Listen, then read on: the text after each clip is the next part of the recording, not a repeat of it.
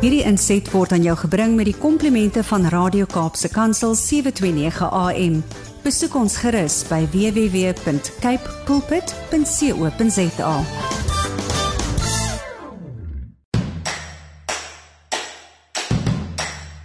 En so is dit alweer Saterdagoggend net na 7 en ek groet jou ek is Willem van Jaarsveld en jy, ek is ook jou gasheer vir die volgende uur tussen 7 en 8 soos elke ander Saterdagoggend hier op die senders van Radio Kaapse Kansel. Jy kan na ons luister op 729 AM, 729 MW en wêreldwyd op die internet. Nou in landbou landskap kyk ons wyd na wat in landbou aangaan en vanoggend gaan ons program so min of meer die volgende bevat. Om 10 oor 7 kom saad vir die saaier aan die beurt en vanoggend lees ons Psalm 107 verse 5 tot 9. Die tema: honger en dors. Kapstok is om 20 oor 7 aan die beurt en uh, ons gaan loer wat op die nuusfront aangaan.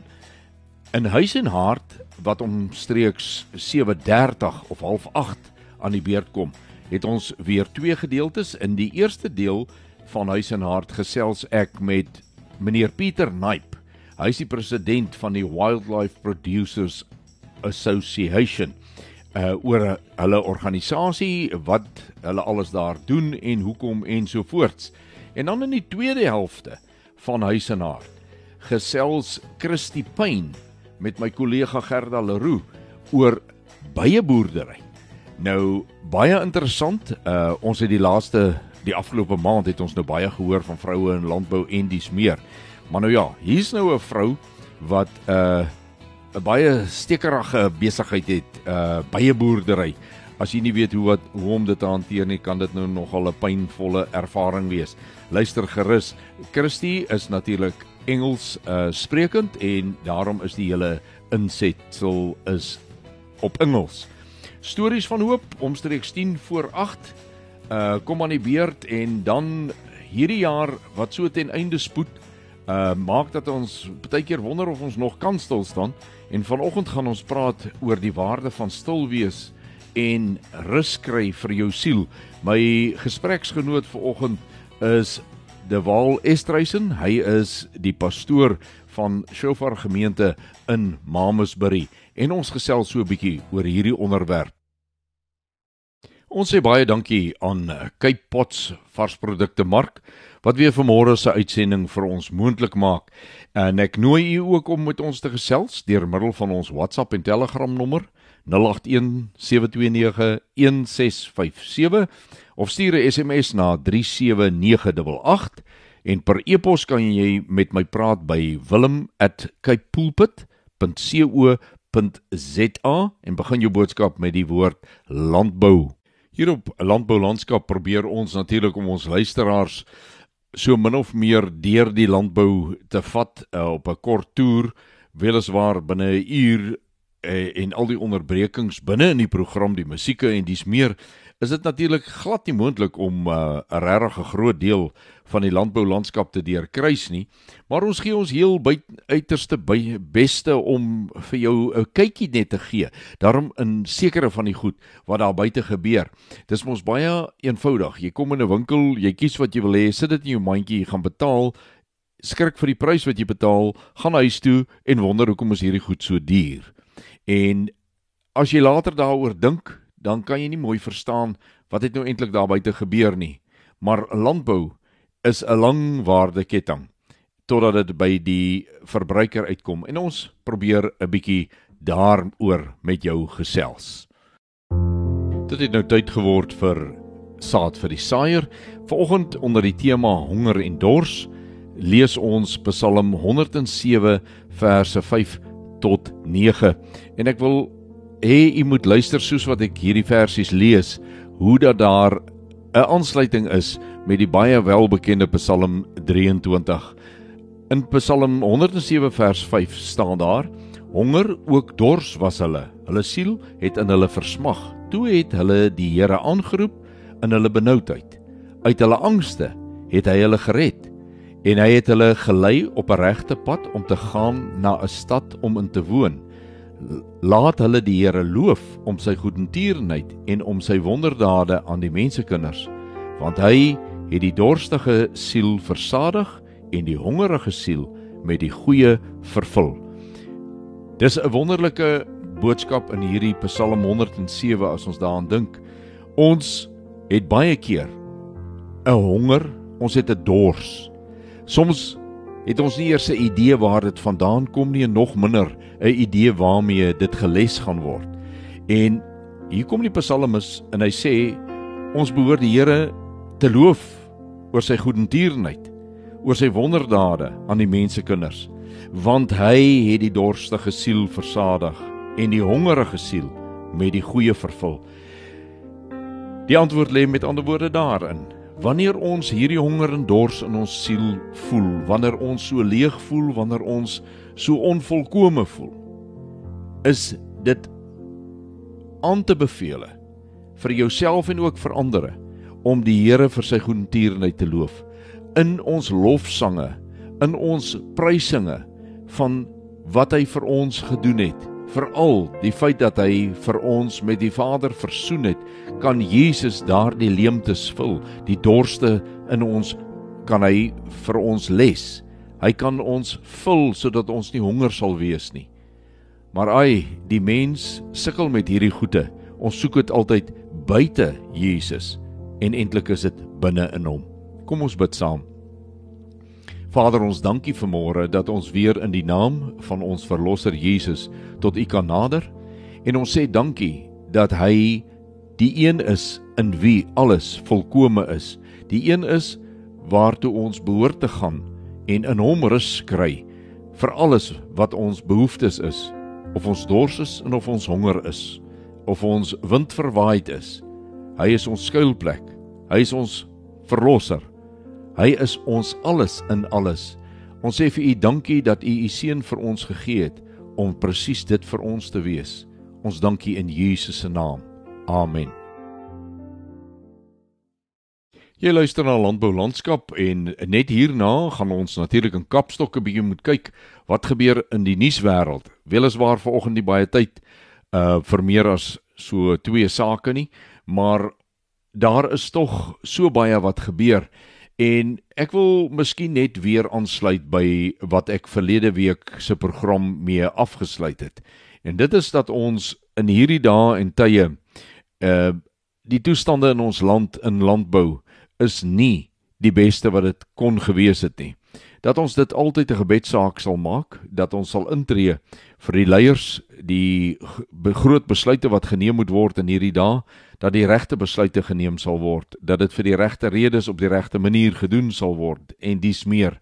So ek ek vra u om tog deurlopend as u aan die landbou dink, dit as 'n saak van gebed ook in u gedagtes te hou asseblief. Net hierna uh Kapstok. Ons gaan in Kapstok so 'n bietjie kyk wat het uh die wêreld daar buite te sê oor wat in landbou gebeur en selfs wat moet nog in landbou gebeur. Ek gaan begin deur op landbou.com te kyk na 'n berig wat gaan oor die weer en uh, dan gaan dit gewoonlik oor wat nog moet gebeur.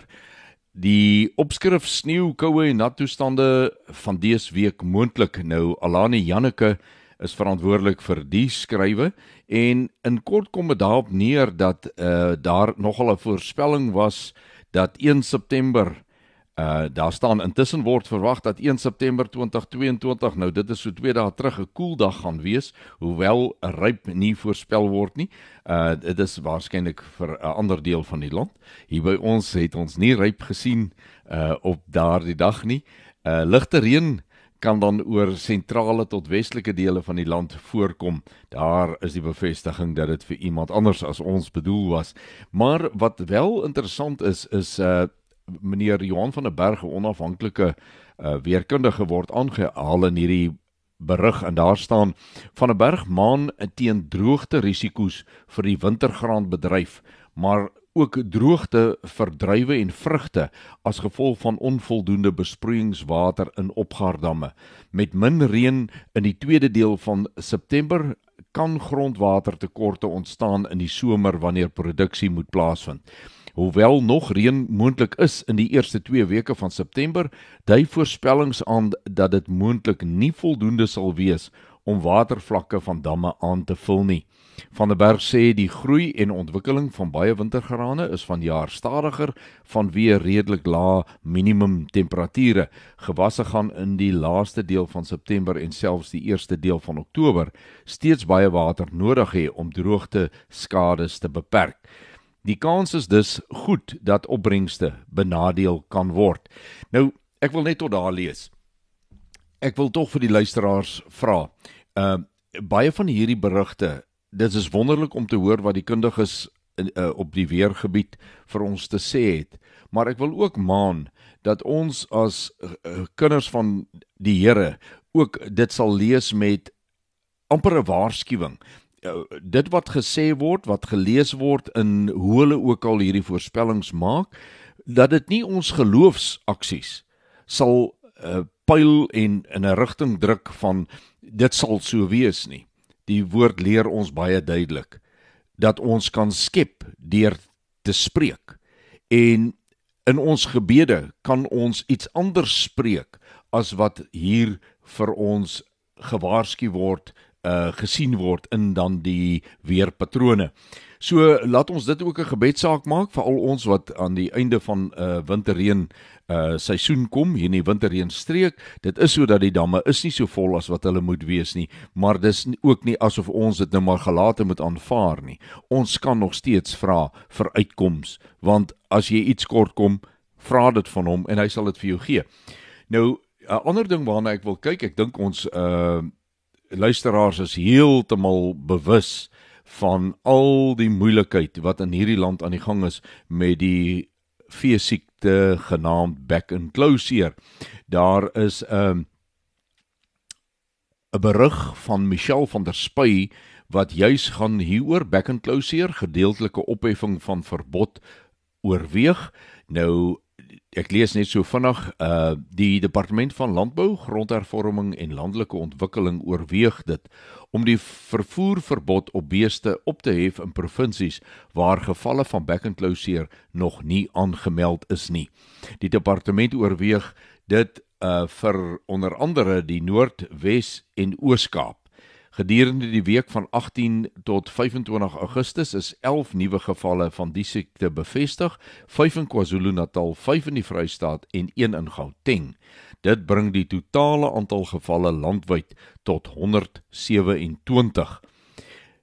Motoko Dedisa, minister van die departement, het die afgelope week met premiers en amptenare in die KwaZulu-Natal en Vrystaat ontmoet om die belangrikheid en impak van back and closure op hulle harte te druk en die steun van rolspelers te werf. Veeartsdienste tree ook voortdurend in gesprek met die departement en ander rolspelers. Ja, uh, ek kan vir u sê dit is 'n saak waarmee ek redelik teenouste gemoeid is en die situasie is daar waar ons hom nooit wou gehad het nie, waar hy nog nooit was in hierdie land nie. En uh, ek weet hierdie is 'n uh, nuus program maar ek gaan tog vir u vra dat u ek dink ek het dit ook verlede week so gevra dat dit op julle gebedslysie sal wees en daar waar intersessiegroepe aktief is uh, laat ons hierdie saak byvoorbeeld gereeld aanspreek in ons uh waar ons intree vir die land. Ons moet besef, hierdie is 'n ekonomiese siekte. Dis nie 'n siekte wat mense siek maak nie, dis nie 'n siekte wat die ehm um, gevalle in Suid-Afrika veral die stamme wat hier voorkom maak nie die diere dood nie. Dit is baie groter ekonomiese impak deurdat ons nie kan uitvoer nie en 'n klomp veeprodukte kan dan nie uitgevoer word nie. So laat ons dit 'n gebedsaak maak. Ons het 'n oplossing nodig. Dit aan die einde van Kapstok. Jy luister na Landbou Landskap en vanmôre gee ons aan twee tipes boerdery, twee bedrywe 'n bietjie aandag wat ons uh, eintlik nog nooit na gekyk het nie. En uh, dit is natuurlik wildboerdery en dan ook die saak van byeboerdery. Nou enige iemand wat boer met 'n gewas wat bestuiving nodig het, sal vir jou vertel hoe belangrik dit is dat daar bye moet wees. Insekdoders is natuurlik hierdie insekte se groot vyand en meermale is dit dieselfde bye wat ons so graag in ons boerderye wil hê wat vrek omdat ons sekere ander praktyke uh in boerdery volg en wat dan nie byvriendelik is nie. Vanoggend baie interessante gesprek met 'n byeboer en uh 'n vroulike byeboer. So bly ingeskakel vir twee baie interessante gesprekke vanmôre. Jy luister na Landbou Landskap en uh my gas vir hierdie inset is um uh, Pieter Naip. Uh, Pieter Naip is die president van WPA. Nou moet nou net nie dink dit is die WPA rugby span nie. Hallo Pieter, Goeie hallo Willem en hallo luisteraars. Ja, uh sê vir my waarvoor staan die afkorting WPA? Die WPA, ek gaan die Engelse uh, weergawe gee, of Wildlife Producers Association. Dis 'n section 21 uh maatskappy, nie winsgewend -hmm. wat gestig is in 2012 2013 om die wildboer eienaarskap te gee en waar uh, ons ge, die, die, van 2013 14 15 met die staat onderhandel het om wild 'n boer se private eienaarskap te gee soos beeste en bokke skape. Nou jy moet nou vir my daai gou verduidelik. Waarom was dit so belangrik dat jy die punt wou dryf van eienaarskap kry. Kyk Willem en die luisteraars, daar was 'n groot leemte en daar's nog steeds 'n groot leemte. Ek wil net teruggaan na die sogenaamde Member Act, die Biosecurity Biodiversity Act. Mm -hmm. Ekskuus ek praat Engels want dit is vir my makliker om die terminologie te onthou. Jy mag hoor. Wat verwys Dankie wat verwys na die wet ehm uh, 7 van 20 ag wat 10 van 26 waar ja. die hele omgewingsake eintlik al hulle magte probeer om die wildsboer te beheer. Mm -hmm. Maar nêrens in daai wet word verwys of het hulle magte oor private eienaarskap op 'n plaas nie. Mm -hmm. Nou so ver terug soos 14 Julie 2011 hmm. het die staats um, die legal opinion wat die regsterminologie gegee vir die minister in 2011 waar hulle duidelik gestel het dat omgewingsake geen mandaat het op wild wat op private grond is in die omheinde omgewing nie toe as gevolg van dit het wild wat in Suid-Afrika is het nie 'n regstatus gehad nie. En die groot ehm um, ehm um, challenge was gewees om die goed te geset. Nou 'n baie interessante terminologie wat ek altyd gebruik is as jy vat in die Noord-Kaap in die ou dae, Mafeking. Ja wat 16 km weg is van die Botswana grens. Ja. Was in tot 1976 die Kaap provinsie. Hm. En daar mag jy bontebokke gehou het, maar die Kaap provinsie het jou toegelaat om 'n bontebok te boer. Toe in 1977 het iets verander en toe word dit Botswana. Mhm. Mm toe in 1994 het nog goed verander en toe word dit noordwes. Maar die Botswana grens is nog steeds 16 km van Mafeking. Ja. Maar oor die laaste 30 jaar het die status volgens omgewingsake van die Bontebok nou verander. Dan sy uitheems en dan is hy uh, uh exotic en uh, al die allerlei benamings. Ja, ja. Ja. Wat wat nie waar is nie. Nou ons is nog steeds binne die grense van Suid-Afrika. En gelukkig op die ehm um, ekskuus ek gaan nou weer die Engelse terminologie gebruik. Die uh, Act 64 of 1998 wat die Animal Improvement Act is, is nou wat al die stoetbeeste en diere yeah. onderval. Ja. Yeah. Is daar voorsiening gemaak in die wet vir enige dier wat 'n landras is Ja. of kom ons gee die ander terminologie inheems is tot Suid-Afrika Ja. mag gegezet word en sodra hy gegezet word mag hy geerken word as 'n boerdery soos beeste, bokke, skape en volstruise. Uh, En- goed. En in op die 10de Junie 2016 het ek in my span van professors en regspan dit reg gekry dat die minister goed gedink het om 12 spesies te geset in die reg gegee het vir boere, maar op dieselfde dokument is volstruise ook. So dit beteken as 'n boer kan met volstruise boer, mag hy ook met wild boer.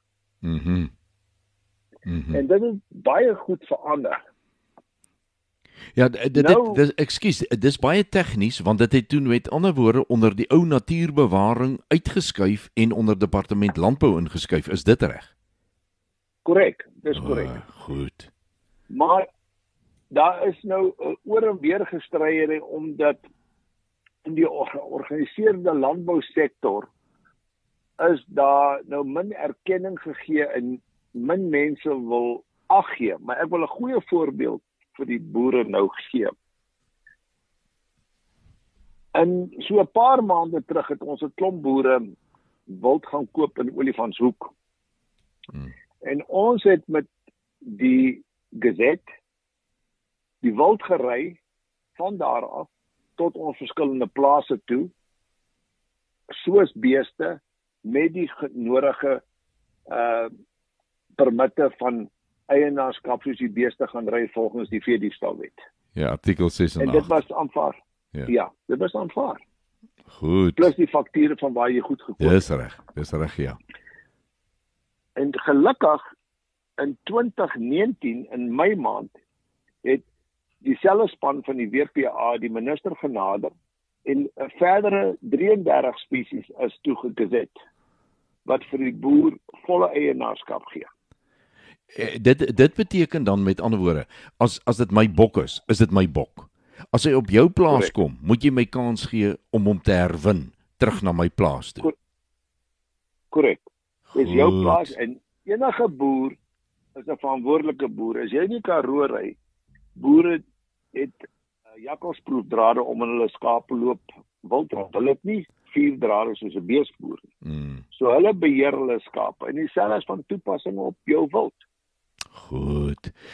Jy Pieter, jy tree verantwoordelik op. dit is baie baie interessant. Nou ek weet ons is besig nou om uit tyd uit te gaan in hierdie tydsgeleef wat ons het, maar ek wil in die toekoms weer met jou gesels en ons sal dan graag wil ek aandag gee aan dis nou maklik om te sê dit het van natuurbewaring uitgeskuif na landbou toe, maar daar's sekere tegniese en praktiese implikasies van daai eenvoudige skuif net gou-gou van hierdie departement na daai en ons het nou nie tyd om daarop in te gaan nie. Ek ek sê vir jou verskriklik baie dankie dat dat ons so lank hierdie gesprek aan die gang kon kry en ek gesels graag weer vorentoe met jou oor ander aspekte hiervan. Baie dankie Willem en ek waardeer dit en baie dankie luisteraars vir die geleentheid. Net hierna gesels ons by 'n boerdery in Huisenaard. I'm speaking to Christy Payne. She's the Managing Director of Bushveld Bees. Christy, a warm welcome to you on our program. Thank you very much. Good day, Gerda, and good day, listeners. I'm very happy to be here. Christy, when did you start your beekeeping business and how did it come about? We started year before last in December. My husband and I are both keen conservationists, and so we started off with bushveld bees with an idea of trying to do beekeeping in a little bit of a different way to how people normally do. In the industry, people move bees from place to place for pollination, and we wanted to try and get farmers on board with helping to save the bees that they need for their own pollination. So that's how it all started. How do you go about teaching farmers to beekeeping in a different way? What we try to do is work alongside the farmer to make sure that they're able to keep their bees on their properties for the whole year. And the only way to do that, just like if you were farming with cattle or sheep or anything, is to make sure that they've got enough food. So what we do is we advise the clients or the farmers according to what they've got in terms of natural vegetation on their property, and then we look at what is what is missing in the diet for the bees, and we advise the farmers so that they can plant something we call a biobank. So in any areas that are not utilized for their usual farming, they can then plant plants that will help the bees throughout the year. So plants are very important to South African beekeepers. Yes, very important. And unfortunately, farming is done very differently nowadays to how it was years and years ago.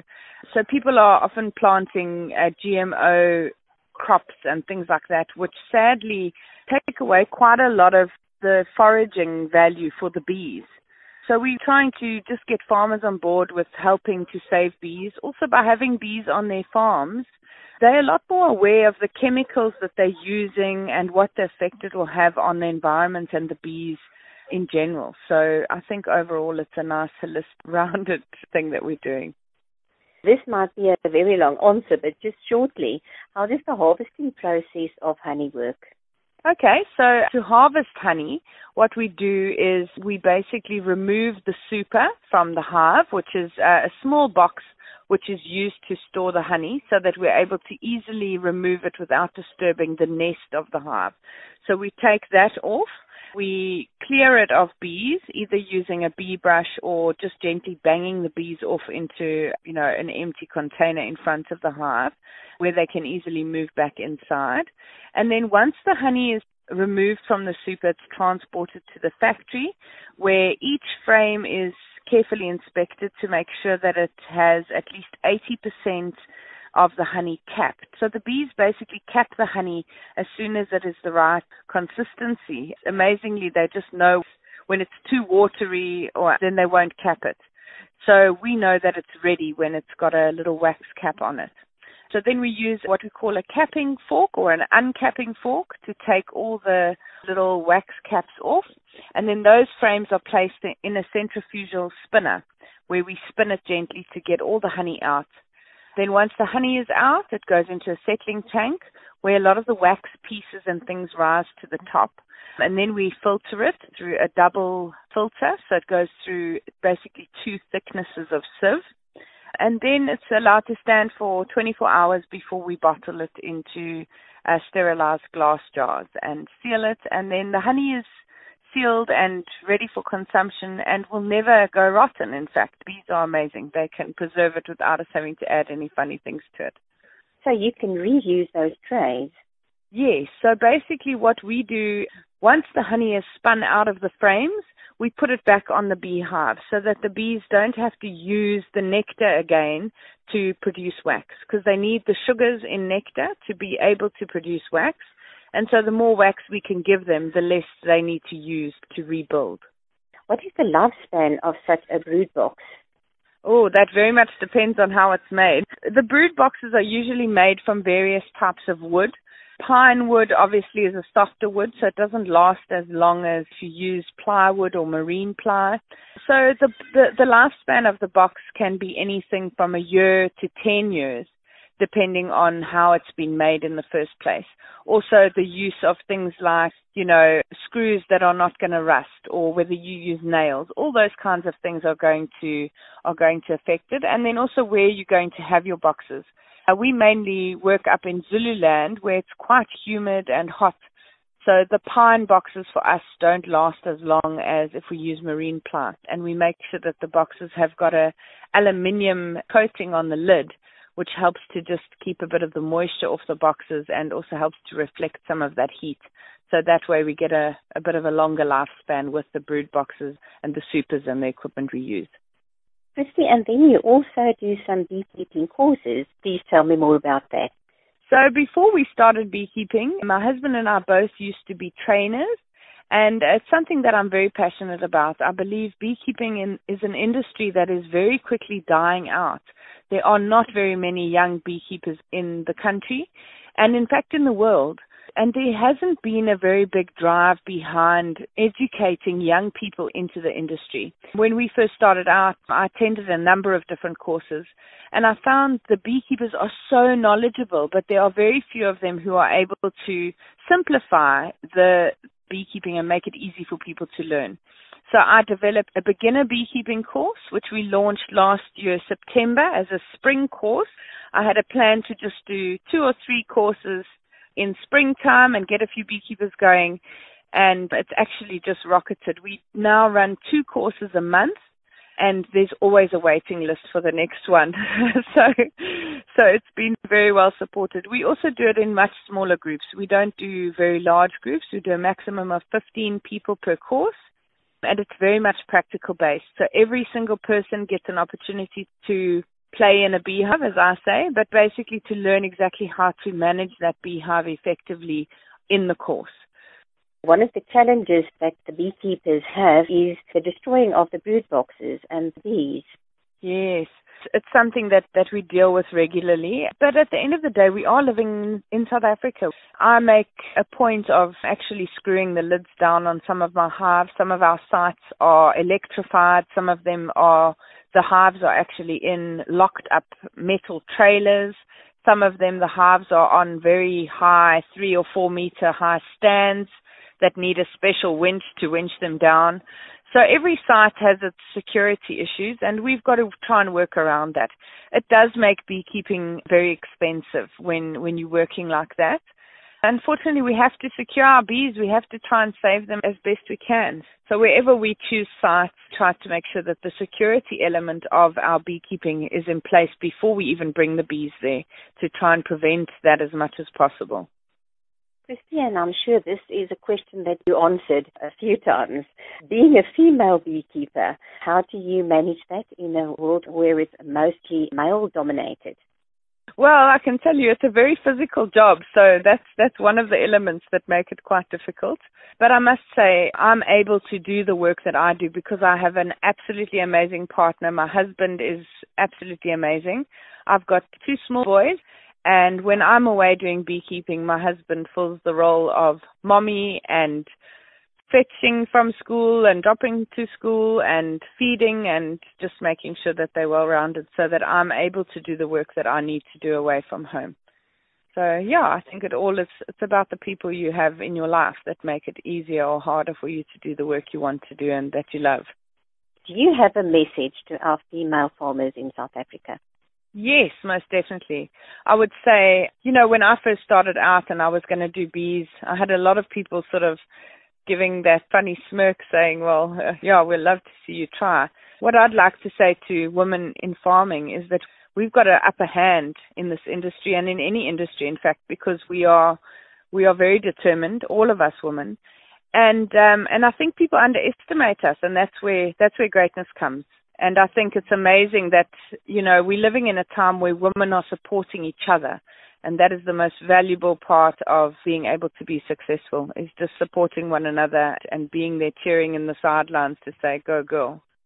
If some of our listeners would like to contact you, need more information regarding the courses or anything that we've spoken about, where can you be contacted? They can contact me on info at Bushveld Bees. That's B U S H V E L D B E E S dot co dot za. Or they can even just give me a ring. My number's 082 533 6099. And I look forward to hearing from some listeners. Hopefully we can get a few more female beekeepers going in this industry. Dit is tyd vir stories van hoop en vanoggend wil ek 'n ges, gesprek met uh, De Waal Esterhuisen. Hy is die pastoor van Shofar gemeente in Mamasbury uh voer. Hallo De Waal, gaan dit goed? Hallo Willem, dit gaan baie goed met my man. Ja, De Waal, ek ek wil gou hierdie versie uit Jesaja 30 vers 15 net vir ons lees, want dit is die kapstok waarna ons vanoggend se gesprek gaan hang. Hy sê want so sê die Here Here, die heilige van Israel, In terugkeer en rus lê julle heil.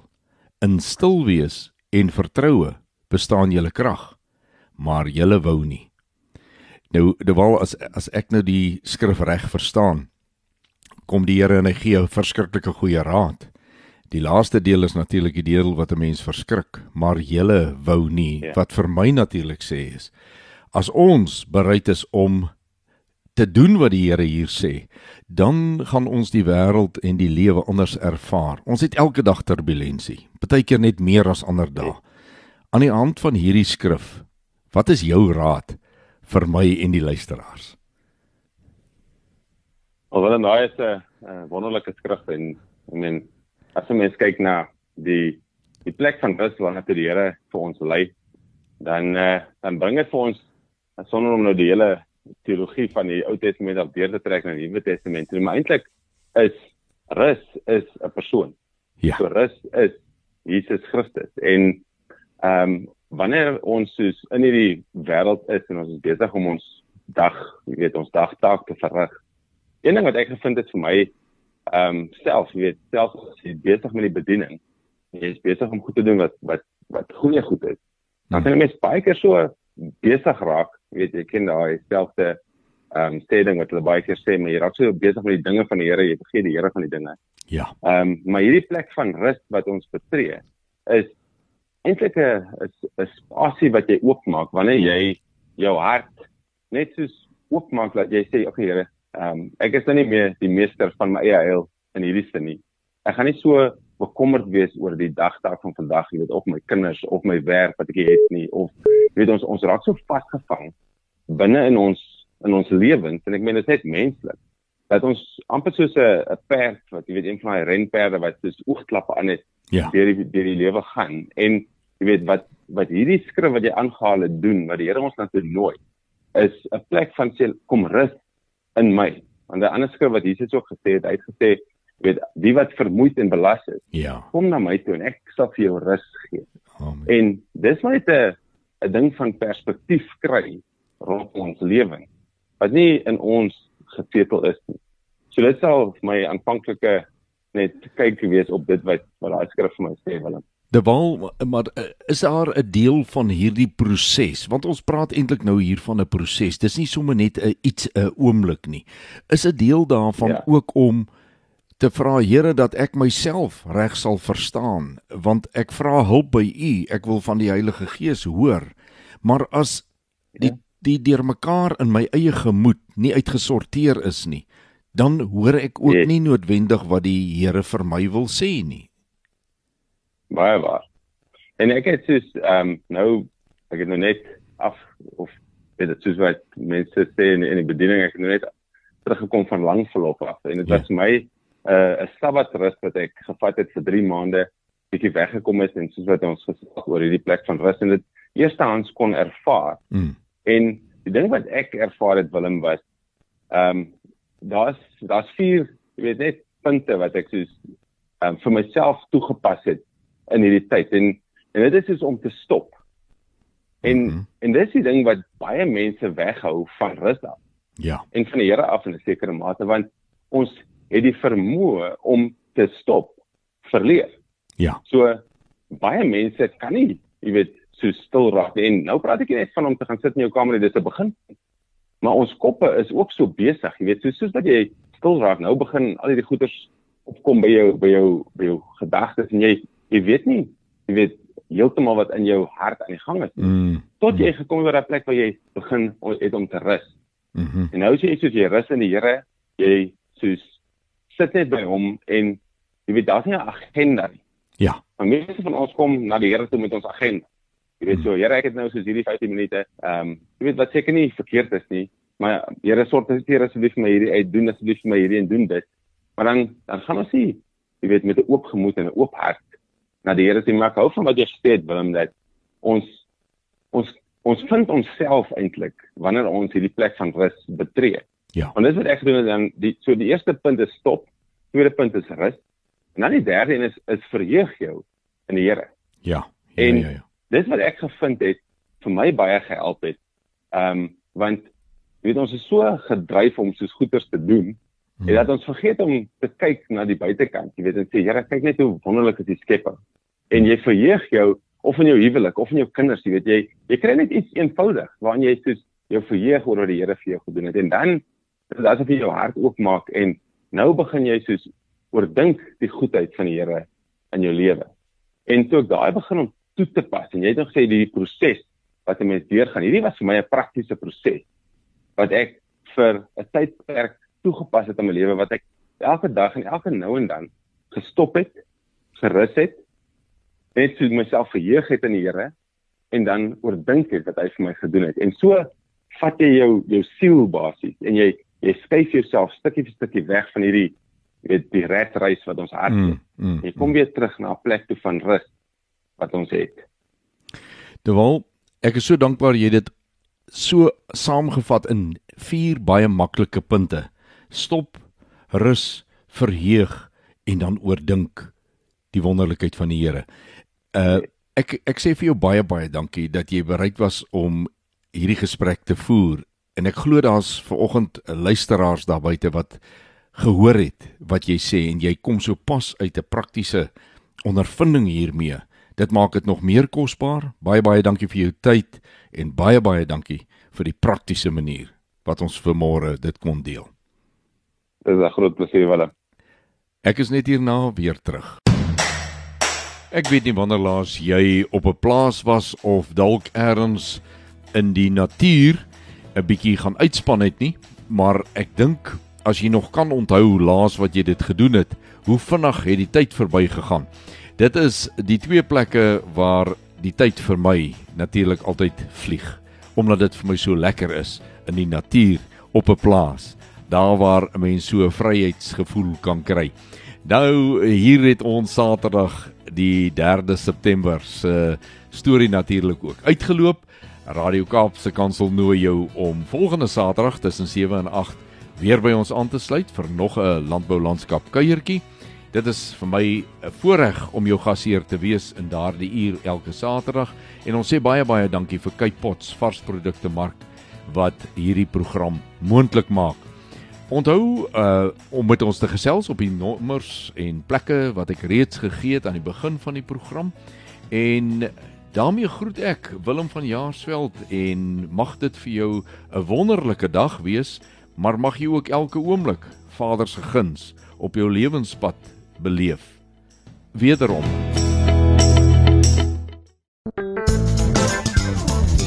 Hierdie inset was aan jou gebring met die komplimente van Radio Kaapse Kansel 729 AM. Besoek ons gerus by www.cape pulpit.co.za.